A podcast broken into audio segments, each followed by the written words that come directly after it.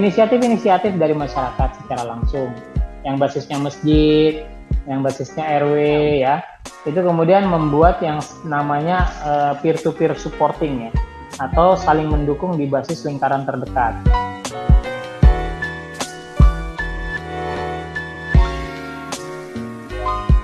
Bismillahirrahmanirrahim.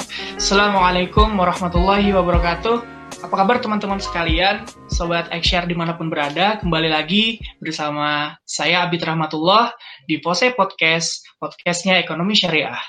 Alhamdulillah, hari ini kita kedatangan narasumber yang sangat luar biasa.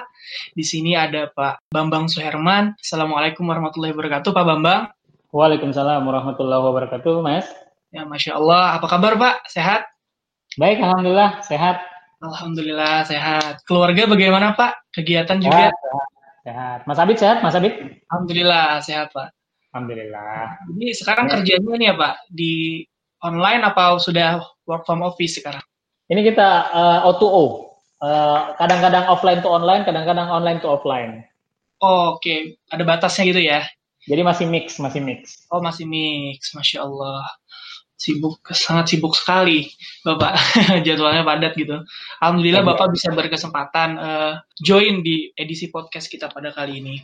Jadi saya juga menginformasikan kepada teman-teman pada hari ini uh, bahasan podcast kita sangat luar biasa ya yaitu tentang Ziswaf yang di mana kita tahu Ziswaf itu bisa menjadi sebuah formula yang dapat menciptakan kesejahteraan umat. Karena itu ada zakat, infak, sedekah, wakaf. Itu yang sangat luar biasa sekali yang bisa dijadikan formula bagi kita. Apalagi sekarang Indonesia dihadapi dengan tantangan uh, di era pandemi.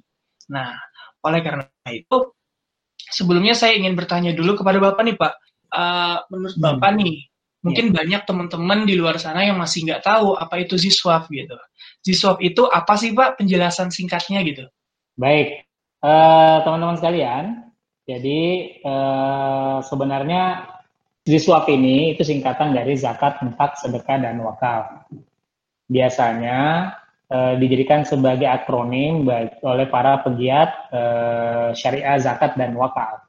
Jadi konteks uh, zakatnya itu dilebarkan menjadi zakat infak sedekah berdasarkan uh, karakteristik uh, budgetnya atau anggarannya Eh, dan tata cara pengelolaannya.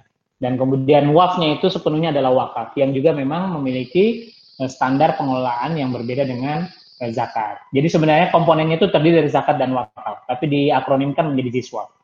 Gitu Mas Abi. Masya Allah, sangat luar biasa sekali. Berarti satu komponen itu berbeda-beda ya Pak? Ada zakat, infak, sedekah, wakaf. Itu pengertian-pengertiannya itu kan berbeda tuh. Cara pelaksanaan juga berbeda. Itu bagaimana itu Pak? Ya, betul. Uh, sepenuhnya memang kita menggunakan pendekatan syariat dalam mengelola eh, komponen-komponen uh, budget ini ya atau keuangan ini. Kalau zakat itu dipadukan dengan sedekah dan infak karena sifatnya yang melekat. Ini kalau pijakan dasar syariatnya cukup banyak teman-teman sekalian.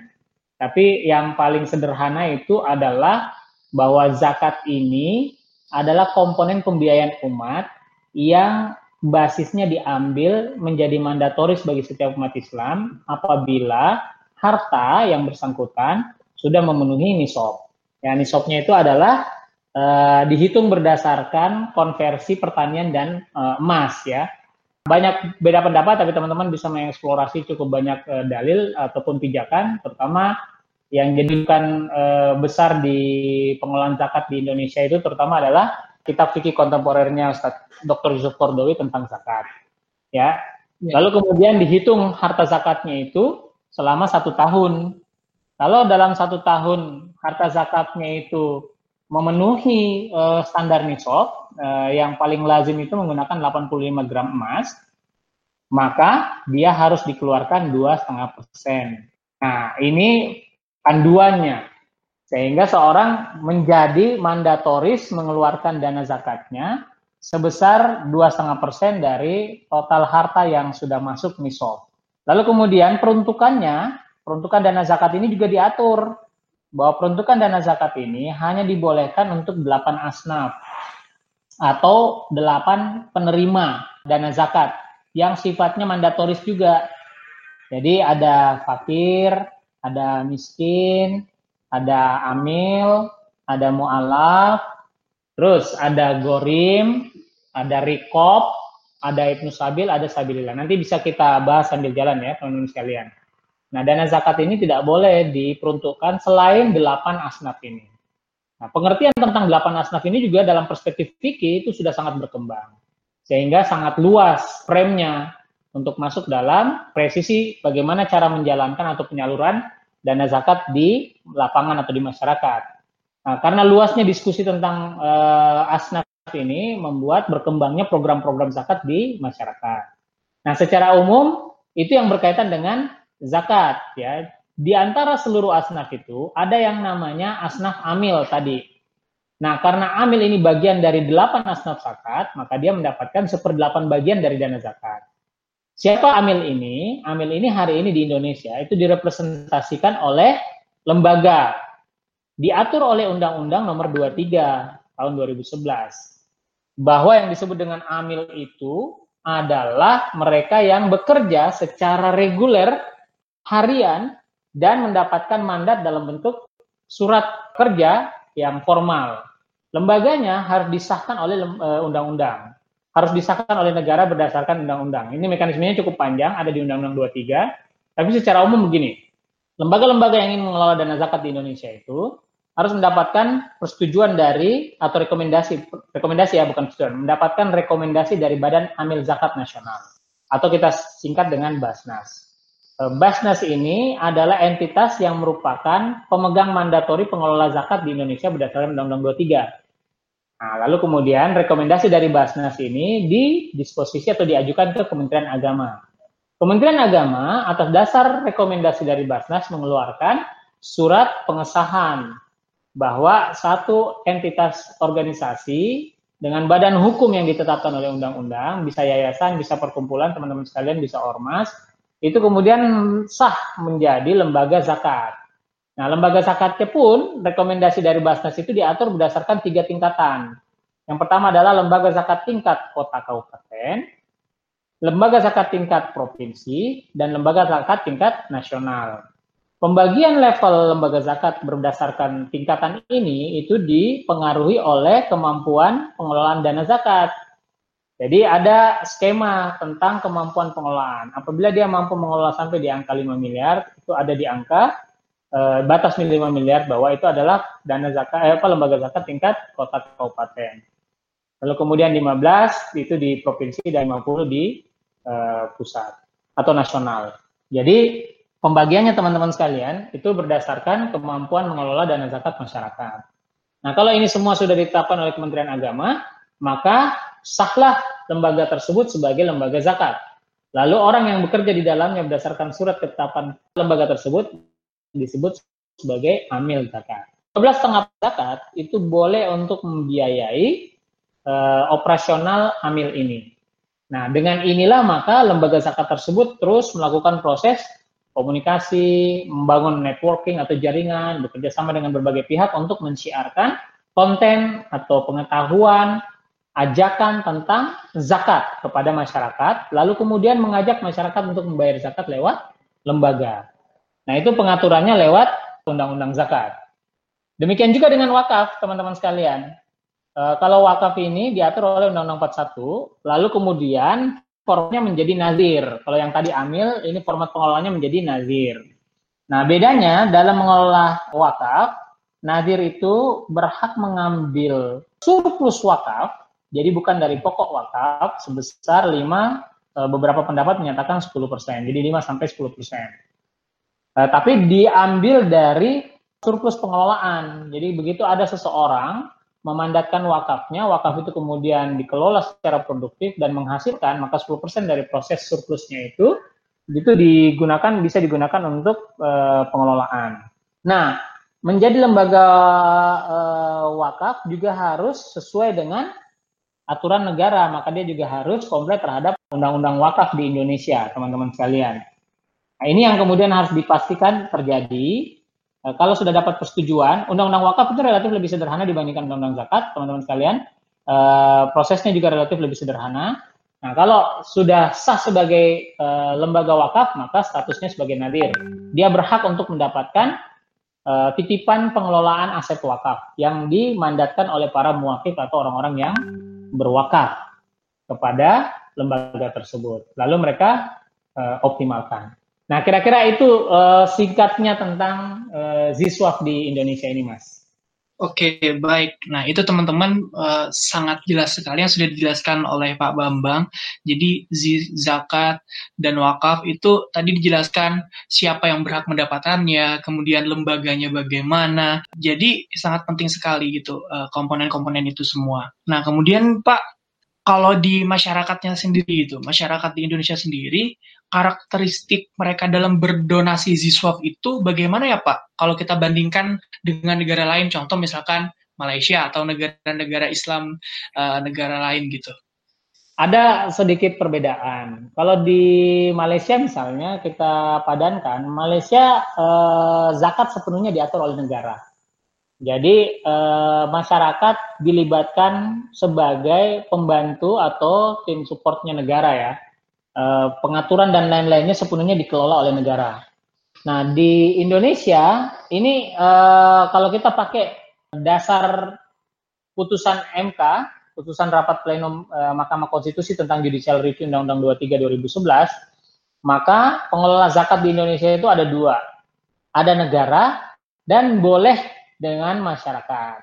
Sehingga di Indonesia ini lebih terbuka teman-teman sekalian itu secara undang-undang. Jadi negara membuat satu lembaga yang bersifat mandatoris, itu namanya Badan Amil Zakat Nasional, dan membolehkan masyarakat untuk mengelola membantu negara, membantu negara mengelola zakat disebut lembaga Amil Zakat, yang tadi sudah saya jelaskan tingkat uh, wilayahnya, baik di kota provinsi maupun nasional. Nah, teman-teman sekalian, Uh, karena ada dua uh, komponen pengelolaan berdasarkan undang-undang, maka di, diaturlah PP yang berkaitan dengan bagaimana tata kelolanya. Secara umum prinsipnya adalah sinergi, ya. Secara umum prinsipnya adalah sinergi. Jadi ini merupakan bentuk uh, adaptasi dari uh, sejarah yang sudah panjang.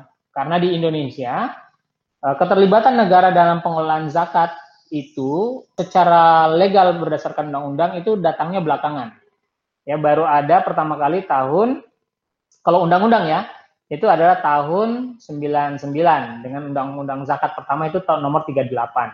Lalu kemudian direvisi dan keluarlah undang-undang zakat 23 tahun 2011 teman-teman sekalian. Tapi kalau berdasarkan keputusan-keputusan yang tingkatnya di bawah undang-undang, keputusan gubernur atau uh, Capman ya, keputusan menteri yang tidak bersifat mengikat secara keseluruhan itu sudah ada lebih tua, lebih dahulu.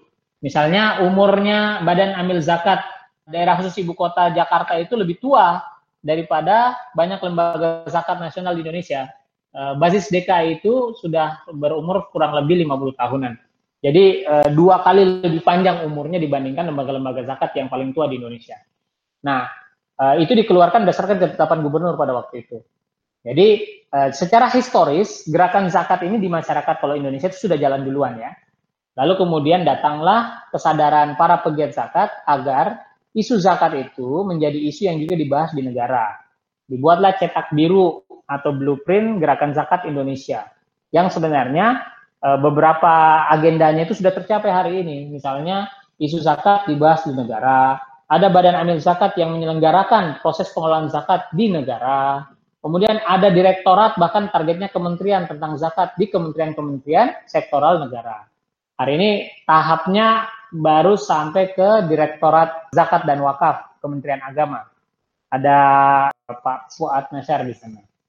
Nah, teman-teman, karena bayi historis sudah jalan lebih dulu, maka undang-undang kemudian memberikan ruang bagi tumbuhnya gerakan zakat yang basisnya adalah intervensi atau inisiasi masyarakat, selain negara tentu saja. Nah, dengan cara seperti ini, maka cara pengelolaan atau pengumpulan zakat di Indonesia itu justru dipengaruhi oleh banyak sekali uh, faktor sosialnya masyarakat, tidak sepenuhnya di, drive oleh kebijakan-kebijakan negara. Nah, hari ini teman-teman sekalian, itu kita pandang sebagai kekayaan dibandingkan cara pengolahan zakat di Malaysia misalnya atau di beberapa negara di Timur Tengah. Ya, kalau di Indonesia itu karena keterlibatan masyarakatnya terbuka, maka pertumbuhan variasi tentang kampanye komunikasi, tentang program-program, tentang cara berkoordinasi dan berjejaring, tentang kolaborasi dan sinergi menjadi lebih luas, menjadi lebih besar sehingga memungkinkan untuk munculnya uh, variasi efektif dan efisien dalam pengelolaan uh, impact atau dampak dari intervensi kemiskinan. Nah, teman-teman sekalian, variasi program ini menjadi sangat kaya. Nah, hari ini, teman-teman sekalian, beberapa lembaga-lembaga zakat yang basisnya adalah masyarakat dan juga beberapa lembaga zakat yang menjadi representasi pemerintah di tingkat daerah dalam bentuk Basnas Provinsi atau Basnas Kota Kabupaten itu bergabung dalam uh, satu forum yang kita kenal dengan nama Forum Zakat. Jadi ada asosiasi lembaga-lembaga zakat di Indonesia yang disebut dengan Forum Zakat. Nah, Forum Zakat ini uh, memayungi sekitar 154 lembaga zakat uh, yang secara historis sudah mengelola zakat, sebagian di antaranya sudah memiliki kedudukan uh, legal berdasarkan undang-undang, sebagiannya sedang memproses uh, legalnya.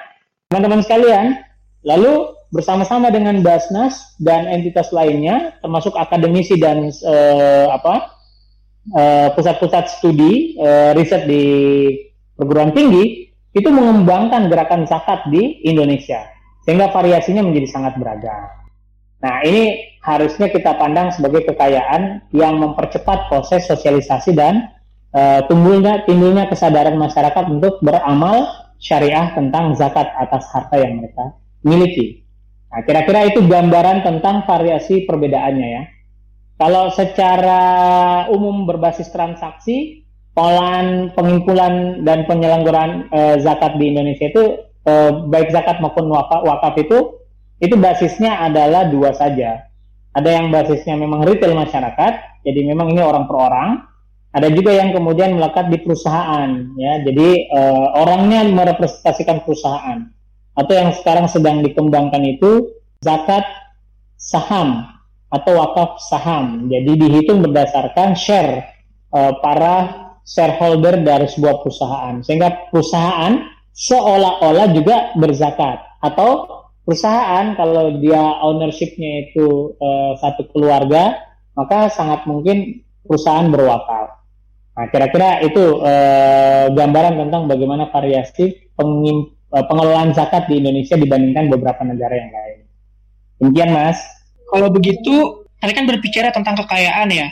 Nah, seberapa besar sih Pak potensi Ziswap itu di Indonesia itu sehingga bisa memotivasi teman-teman untuk lebih melek akan Ziswap? Iya, kalau ini ada cukup banyak uh, data yang bisa kita rujuk teman-teman sekalian.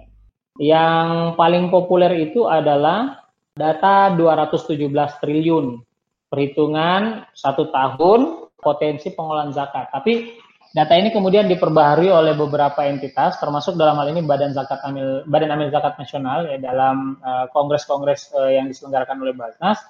Uh, simpang siur teman-teman sekalian, tapi kira-kira di angka 332 triliunan hari ini ya yang diklaim sebagai potensi zakat di Indonesia.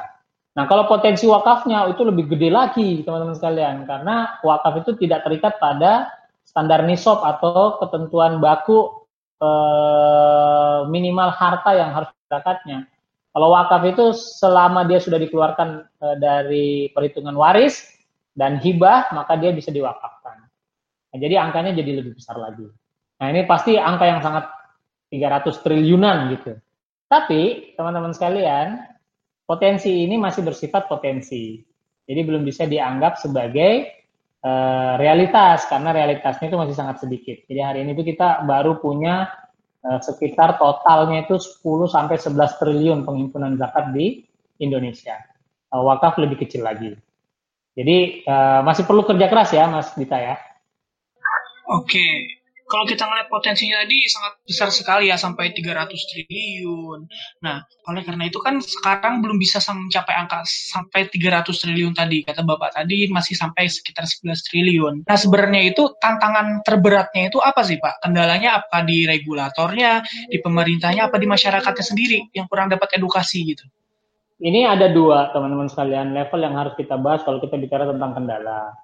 Yang pertama memang pasti di aspek tata kelola ya, di aspek uh, perundang-undangan. Hari ini para pegiat zakat sedang bermusyawarah untuk mewujudkan satu desain tatanan peraturan perundang-undangan yang lebih nyaman buat tumbuh dan berkembangnya uh, zakat di Indonesia. Jadi memang sudah ada Undang-Undang Zakat 23 2011. Lalu uh, di periode tahun lalu pertengahan teman-teman sekalian sangat santer informasi tentang revisi Undang-Undang 23. Jadi ada keinginan untuk uh, mereview kembali undang-undang uh, yang sudah berjalan tentang zakat ini dan kemudian memperbaikinya. Kalau wakaf relatif lebih adem ya, sifatnya teman-teman sekalian, bahkan relatif cukup uh, advance. Memang wakaf ini problemnya uh, pada aspek yang nanti kita bahas sekalian, yaitu di bagian uh, level uh, apa level pragmatis masyarakat. Nah di zakat juga sempat muncul uh, momentum omnibus law.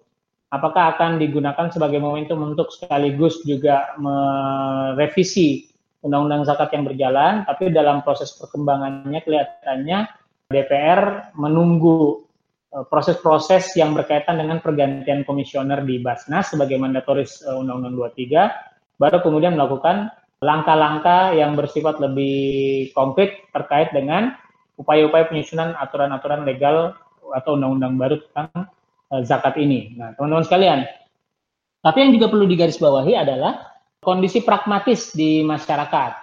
Jadi kenapa potensi ini menjadi sangat besar dibandingkan realitas, realisasinya itu disebabkan karena dua. Yang pertama adalah masih banyak masyarakat yang sebenarnya belum teredukasi dengan baik tentang pengolahan zakat ini.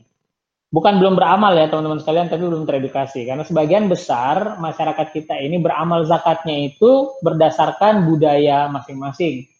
Jadi bukan berbasis pengetahuan semata, tapi juga sebagian besarnya adalah berbasis kebiasaan yang sudah diwariskan secara turun-temurun. Sehingga misalnya uh, seorang sarjana dari universitas ternama di Indonesia yang seharusnya well informed terhadap kaidah-kaidah beramal itu bisa jadi tidak mengeluarkan zakat, mengambil penghasilannya sekian persen lalu menitipkan ke orang tuanya untuk dibagikan kepada tetangga-tetangga yang miskin. Lalu ketika ditanya apakah Anda sudah berzakat, dia menyatakan saya sudah berzakat. Ini kasus benar-benar kasus real yang saya dapatkan di lapangan. Saya ceritakan kembali teman-teman sekalian. E, bisa jadi mewakili kondisi kita. Dinyatakan bahwa ya saya sudah berzakat. Bagaimana bentuk zakatnya? Saya ambil dari sebagian harta saya atau penghasilan saya, saya titipkan kepada orang tua untuk dibagikan kepada tetangga yang membutuhkan. Apakah itu zakat? Belum tentu teman-teman kalian. Sebab zakat itu diatur berdasarkan nilai dan sekaligus juga pendistribusinya diatur berdasarkan mandat. Nah, jadi sebagian besar e, masyarakat kita ini punya e, catatan tentang pengetahuan ziswafnya. Nah ini tentu saja akan menjadi e, tugas besar utama para pengelola zakat, termasuk amil dan lembaga dan asosiasi yang ada, termasuk juga negara tentu saja. Nah teman-teman sekalian, yang kedua selain pengetahuan, yang juga menjadi uh, problem kenapa potensi zakat itu lebih besar dibandingkan realisasi adalah karena cara beramalnya tadi. Cara beramal zakat itu belum sepenuhnya disalurkan melalui lembaga. Sehingga angka-angka pencatatan tentang realisasi penyaluran zakat yang selama ini masih kita pakai itu baru bersumber dari angka-angka lembaga. Jadi belum ada mekanisme yang dimiliki oleh negara dan kita semua Eh, masyarakat dalam hal ini untuk mencatat transaksi zakat yang basis penyalurannya langsung ke orang, ya berbasis tangga, langsung ke tetangga dan seterusnya. Jadi sebenarnya dugaan sementara kita ini angka realisasi dari penyaluran zakat itu lebih besar daripada angka yang direcord hari ini. Hanya saja record kita hari ini baru mencatat dana penyaluran zakat berbasis lembaga-lembaga zakat yang sudah legal. Nah, maka kemudian uh, upaya kampanye dan uh, ajakan dakwah zakat ini yang kuat itu adalah salah satu yang paling pentingnya mengajak masyarakat untuk selain memahami zakat ini secara baik, juga berzakat melalui lembaga-lembaga yang disahkan oleh negara. Jadi jangan berzakat melalui lembaga-lembaga yang belum legal. Supaya apa? Supaya kita mampu mengkonsolidasi sumber daya yang tersedia agar dalam proses pendistribusiannya itu dilakukan dengan mekanisme pendaya gunaan yang bersifat jangka panjang dengan volume penerima manfaat yang besar dengan impact yang berkelanjutan bukan cuma hit and run saja teman-teman sekalian. Nah ini beberapa di antara catatan-catatan tentang eh, tantangan-tantangan uh, gap antara potensi zakat yang besar dengan realisasinya atau potensi wakaf yang besar dengan realisasinya. Nah, saya highlight sedikit tentang wakaf ya. Kalau wakaf ini malah lebih terbatas lagi pengetahuannya. Jadi masyarakat itu belum menikmati kampanye wakaf sepopuler kampanye zakat. Tapi ini bisa dipahami karena terutama satu argumentasi besar, zakat bersifat mandatoris, ada retensi transaksi atau retensi amal yang harus dilakukan per waktu, satu tahun terutama, sementara wakaf tidak. Tapi dalam jejak-jejak dokumen sejarah kita pelajari ternyata perkembangan wakaf itu jauh lebih advance. Diskusi tentang wakaf juga jauh lebih advance. Hanya di dalam proses pengkomunikasian populernya, eh, wakaf ini belum sepopuler eh, zakat. Selain karena dia dikemas tidak cukup masif sebagaimana zakat, dia juga tidak menjadi mandatoris yang bersifat retensif terhadap setiap orang. Nah ini tantangan-tantangan. Tapi hari ini pelan-pelan coba kita ekspansi teman-teman sekalian, amalan-amalan kita, upaya-upaya kita, coba kita perluas networking kita, kolaborasi kita, uh, untuk memperbesar lagi jangkauan komunikasi tentang Ziswap ini ke masyarakat, dengan ajakan yang sama, memahami ziswap ini dengan baik sebagai sebuah tatanan syariat kita dan sekaligus juga solusi bagi permasalahan ekonomi umat Islam uh, dan umat lainnya tentu saja.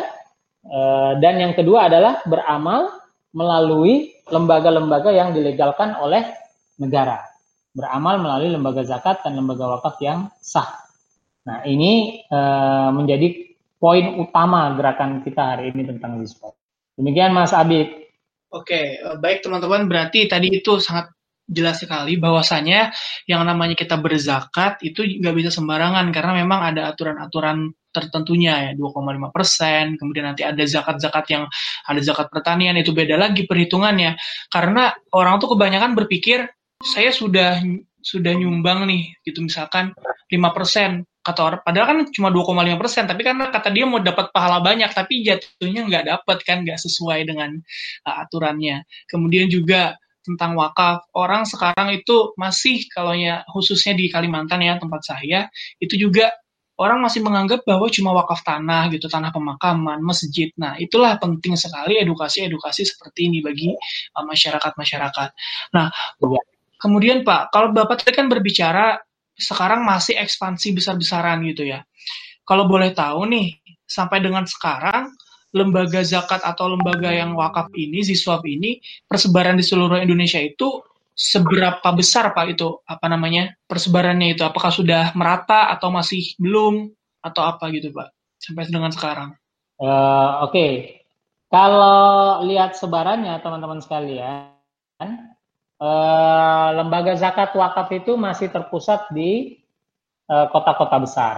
Jadi belum menyeluruh merata sampai ke eh, bawah-bawah ya ke daerah-daerah.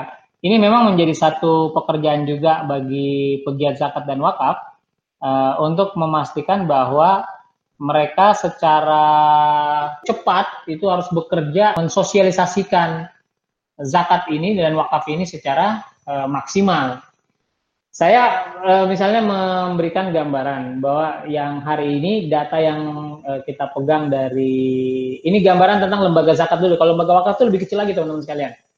Uh, lembaga zakat itu hari ini misalnya di forum zakat itu secara keseluruhan yang ada di Indonesia 77 persennya berbasis yayasan.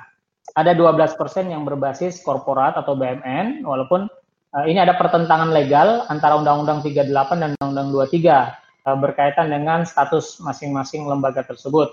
Uh, ini nanti panjang urus apa pembicaraan temanya tentang kedudukan Undang-Undang 23-nya terhadap legalitas mereka. Tapi baik historis, mereka ini adalah lembaga-lembaga yang sudah dilegalkan oleh negara dengan undang-undang sebelumnya. Kemudian ada juga lembaga zakat yang basisnya ormas ya, ada sekitar 6 persen. Lalu kemudian ada juga lembaga zakat dari eh, model-model uh, yang lain, misalnya kayak kampus, ya, pusat-pusat uh, kajian dan masjid itu juga adalah bagian dari perkembangan. Nah, kalau saya lihat sebarannya teman-teman sekalian itu belum terlalu masif. Jadi untuk wilayah Indonesia Timur, kalau pusatnya itu terutama di Jawa, baik lembaga zakat maupun wakaf itu sangat masif di Jawa. Kemudian yang kedua di Sumatera, ya Sumatera juga relatif cukup padat, tidak sepadat Jawa tapi cukup padat. Dibandingkan misalnya Kalimantan, Kalimantan eh, termasuk yang sangat eh, yang sangat sedikit di Asia dan eh, Nusa Tenggara sampai ke Papua itu masih sangat sedikit teman-teman sekalian. Jadi hari ini uh, lembaga Ziswaf ini itu masih berpusat di pusat-pusat pengetahuan dan pusat-pusat informasi, terutama Jawa dan Sumatera. Nah, ini memberikan ruang bagi kita untuk mengintervensi Indonesia menjadi uh, mengintervensi Indonesia menjadi sebuah gerakan yang besar. Karena hari ini masih banyak sekali ruang-ruang kosong yang harus kita isi uh, bersama-sama. Nah, itu gambarannya Mas Adi. Jadi ini PR besar lah sampai hari ini ya. Baik, ya PR besar sekali ya bagi kita semua, bagi saya juga bagi kita gitu. semua. Mengkampanyekan ini ke seluruh Indonesia. Oke, baik. Tadi kita sudah bahas tentang Ziswaf, kemudian karakteristik masyarakat, kemudian pengelolaan dan potensi dan tantangan. Nah, sekarang karena kita sekarang berada di situasi yang sedang pandemi COVID-19, jadi peran Ziswaf ini di saat sekarang ini untuk mengatasi pemulihan ekonomi yang kita tahu ekonomi kita lagi tergerus, lagi istilahnya sekarang lagi terpuruk gitu, bahkan seluruh negara yang merasakan. Nah, dengan kekuatan Ziswap ini bagaimana peran Ziswap dalam hal Pak keadaan seperti ini, Pak? Hari ini teman-teman sekalian, Ziswap sangat besar peranannya dalam uh, pengelolaan pandemi ya. Kita ini itu bahkan menjadi ujung tombak bagi harapan masyarakat untuk mengelola fase-fase krisis yang mereka uh, alami. Saya mencatat teman-teman sekalian, lembaga zakat di lembaga siswa di Indonesia itu paling tidak sejak awal itu sudah turun ya. Sudah turun ke publik untuk menginisiasi respon terhadap munculnya pandemi Covid yang sedang berjalan ini.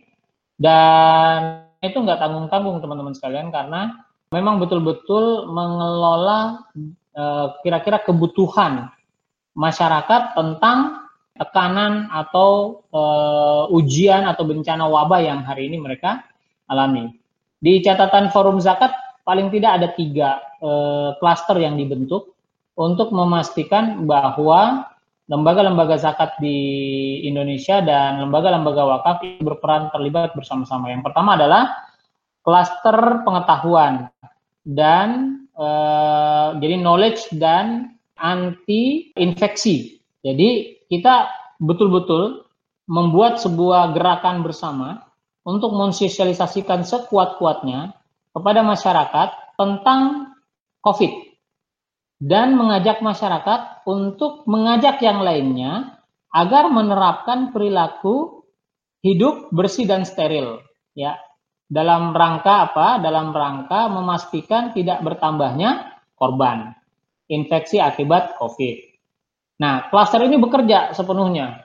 Bahkan di tahap-tahap awal, klaster ini ikut membagikan hand sanitizer, kemudian membagikan masker sampai hari ini, kemudian mendesinfeksi kawasan, baik perkantoran maupun lingkungan, eh, di awal-awal. Jadi eh, pada saat negara atau pemerintah masih terpatok pada urusan serangan COVID secara formal, nah teman-teman sebenarnya sudah bergerak di lapangan.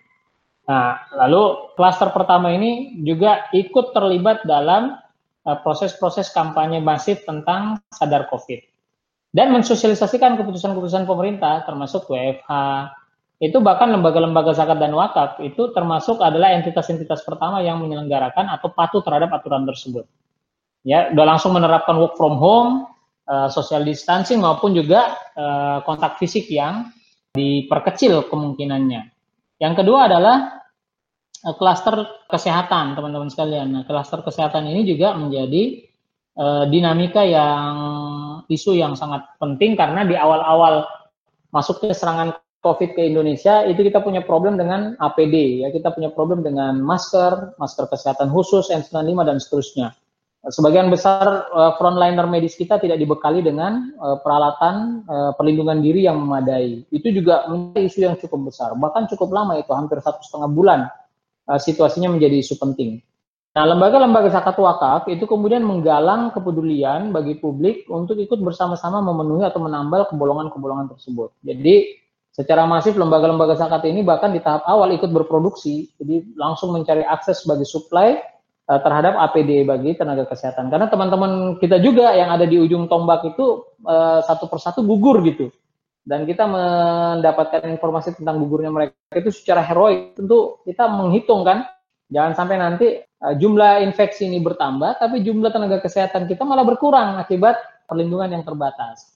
Sementara kita tidak tahu berapa panjang proses pandemi ini akan berjalan.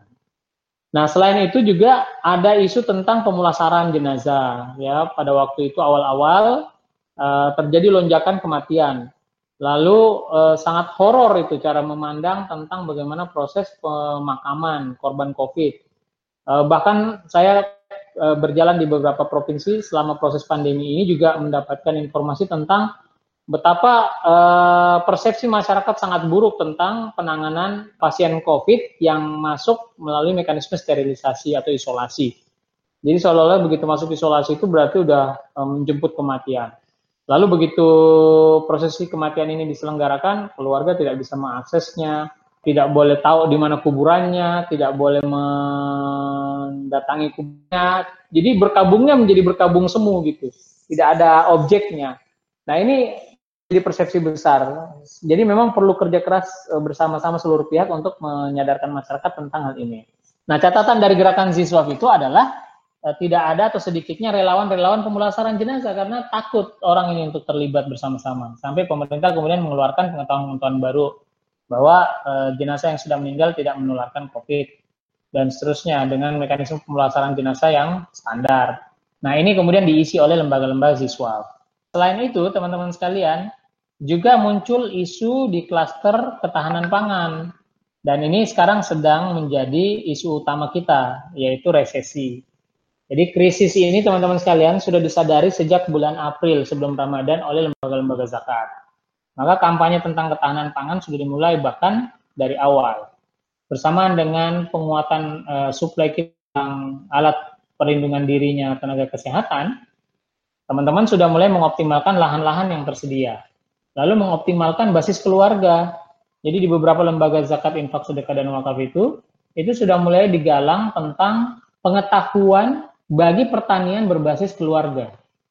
Di mana setiap orang itu kemudian dibuat perhitungan minimal supply untuk mampu membuat produksi agar memenuhi kebutuhan e, makanan. E, yang menjadi isu besar pada waktu itu adalah ketersediaan serat dan protein. Jadi setiap orang itu punya daftar kebutuhan serat dan protein yang tidak boleh kurang. Nah, dikembangkanlah pertanian berbasis rumah itu dengan mengoptimalkan lahan pertanian atau lahan pekarangan ya, bukan lahan pertanian, lahan pekarangan termasuk pagar gitu. Jadi buat mekanisme kreatif bagaimana agar lahan-lahan sempit ini mampu berproduksi dengan polybag, dengan pipa, eh, digantung di pagar dan seterusnya. Nah, berdasarkan standar perhitungan teman-teman yang sama ini sedang dipakai, itu setiap orang, satu kepala keluarga itu membutuhkan 15 polybag uh, untuk ditanamin sayuran, lalu kemudian satu ember untuk ditanamin uh, bibit ikan, uh, volume 70 liter dengan daya tampung berarti 60 ekor. Nah, teknologinya kemudian di-create oleh teman-teman, uh, di-share bersama-sama, lalu lahirlah uh, nomenklatur seperti budik damber ya, budidaya ikan dalam ember. Ember besarnya ditanam uh, ikan lele, uh, lalu kemudian ujung-ujung permukaannya itu kemudian dikaitkan dengan pot-pot yang berisi arang yang bisa ditanami dengan kangkung sehingga dalam rentang waktu 28-30 hari itu bisa panen kangkung sebagai sumber serat dan sekaligus panen lele sebagai sumber protein. Nah, detail-detail teknisnya ini ada banyak di lembaga-lembaga dan sudah dikeluarkan sebagai sebuah tips teman-teman sekalian. Nah, selain itu, lahan-lahan besar yang dimiliki aksesnya oleh masyarakat itu ditanami oleh lembaga-lembaga dengan tanaman-tanaman pokok yang bisa mensuplai kebutuhan tanaman pokok utama. Ada sawah di beberapa titik di Jawa dan Sumatera. Kemudian ada ladang yang juga dioptimalkan sehingga produknya itu bisa dalam bentuk padi, bisa dalam bentuk jagung, bisa dalam bentuk umbi, teman-teman sekalian. Uh, dan ini dimasifkan selama rentang waktu empat bulan berjalan ini. Uh, sehingga lembaga-lembaga zakat sendiri pun sudah melakukan proses pendataan stok uh, bahan baku uh, atau bahan baku bahan makanan pokok ya, bahan makanan pokok masyarakat.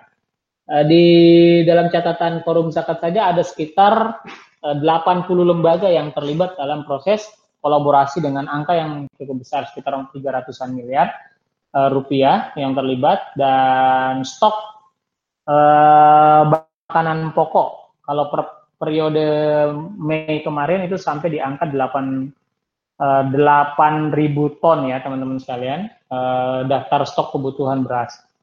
Nah, tentu sekarang terus bertumbuh dan terus berkembang karena upaya untuk menangani krisis ini terus berjalan, terutama di fase resesi ya. Fase resesi itu kami sebut karena masyarakat kemudian tidak memiliki penghasilan akibat dirumahkan atau pekerjaannya berhenti atau pabriknya tidak berproduksi atau di PHK. Tapi kebutuhan hidupnya tetap berjalan. Nah, yang menarik juga teman-teman sekalian, dalam proses kita menggalang bantuan di fase ini, terutama ketahanan pangan, kita juga mencatat inisiatif-inisiatif dari masyarakat secara langsung. Yang basisnya masjid, yang basisnya RW ya, itu kemudian membuat yang namanya uh, peer-to-peer supporting ya, atau saling mendukung di basis lingkaran terdekat. Jadi keluarga yang mampu itu kemudian meletakkan bahan-bahan baku, bahan-bahan kebutuhan pokoknya di sebuah tempat, lalu keluarga yang membutuhkannya boleh mengambil gitu. Kalau ada yang berlebih boleh meletakkan lagi. Nah, proses subsidi-subsidi seperti inilah yang kemudian mempertahankan uh, ketangguhan masyarakat. Nah, catatan lembaga siswap yang paling kuat itu adalah memastikan agar jangan sampai ada generasi stunting yang lahir dari akibat pandemi. Maka sekarang beberapa lembaga benar-benar masuk untuk menangani uh, pencegahan stunting akibat pandemi COVID ini. Makanya tadi dari awal kenapa lembaga zakat membidik dua asupan yang tidak boleh hilang, serat dan protein itu untuk memastikan bahwa anak-anak yang lahir di era pandemi ini adalah anak-anak dengan potensi kesehatan yang sama baiknya ya meskipun kondisinya krisis tapi sama baiknya jadi jangan sampai nanti ada loss generasi karena kegagalan kita untuk mencegah terjadinya uh, gizi buruk akibat uh, resesi yang berjalan. Nah, uh, agak panjang kalau mau diceritakan semuanya, tapi kira-kira tiga klaster ini menjadi tiga klaster Ziswaf yang terlibat dalam proses penanganan pandemi, Mas Abid, dan ini masih jalan terus sampai hari ini. Sampai hari ini sih insya Allah reportnya akan bagus, apa cukup bagus, apa membantu masyarakat untuk menangani uh, kekurangan mereka sementara ini. Demikian Mas Sabit. Oke baik, oh, masya Allah sekali berarti teman-teman yang masih belum tahu gitu kepada lembaga-lembaga zakat wakaf di seluruh Indonesia itu sekarang semuanya sudah berkonsolidasi sudah bahkan tadi ada sudah ada job desk masing-masing klaster-klaster ya Pak ya sangat luar biasa yes. Nah, oleh karena itu kita mungkin sebagai orang yang mampu, sebagai pemuda yang memiliki rezeki berlebih, segeralah donasikan kepada lembaga-lembaga yang relevan yang disahkan oleh pemerintah secepatnya. Iya. Supaya kita bersama-sama membantu masyarakat yang membutuhkan. Oke, baik. Sangat luar biasa sekali uh, pemaparan materi pada hari ini. Sangat mengedukasi, kemudian memberikan pengetahuan yang lebih kepada para teman-teman sobat Xshare juga di seluruh Indonesia yang sedang mendengarkan. Kemudian Pak, untuk sebelum kita mengakhiri, mungkin ada kesan, pesan atau uh, closing statement gitu yang bisa memotivasi para masyarakat, para pemuda dalam hal Ziswap ini. Uh, baik, Mas Abid. Uh, saya ingin mengatakan bahwa hari ini ruang gerakan zakat ini sedang terbuka luas dan tantangan yang dihadapinya juga sangat besar, yaitu mayoritas umat Islam dan tentu saja bangsa di negara kita ini, Indonesia yang kita cintai ini. Ada banyak sekali eh, ruang-ruang eh, yang tersedia bagi terlibatnya partisipasi, baik perorangan maupun kelembagaan, juga menghimpun cukup banyak kebutuhan akan eh, skill dan kompetensi. Maka saya mengajak uh, semua uh, teman-teman sekalian, semua anak bangsa yang mencintai negara kita ini untuk ayo ikut bersama-sama memberikan kontribusi dalam mengembangkan gerakan zakat wakaf di Indonesia. Ini pasti adalah solusi. Kami meyakininya demikian. Ini adalah pasti solusi uh, terhadap semua permasalahan karena dia disandingkan dengan kaidah-kaidah kita beragama dan dia bersumber dari syariat yang hari ini kita yakini sebagai syariat agama Islam. Jadi teman-teman sekalian, uh, apalagi yang lebih menarik di samping pekerjaan-pekerjaan yang memberikan kita ruang untuk mengabdi kepada Allah Subhanahu wa taala dan membantu sesama kita. Dan sekaligus bisa menjadi juga profesi profesional dengan keahlian dasar uh, apa dengan dengan keahlian-keahlian utama yang kita miliki. Uh, jadi ini adalah tawaran yang sangat menarik.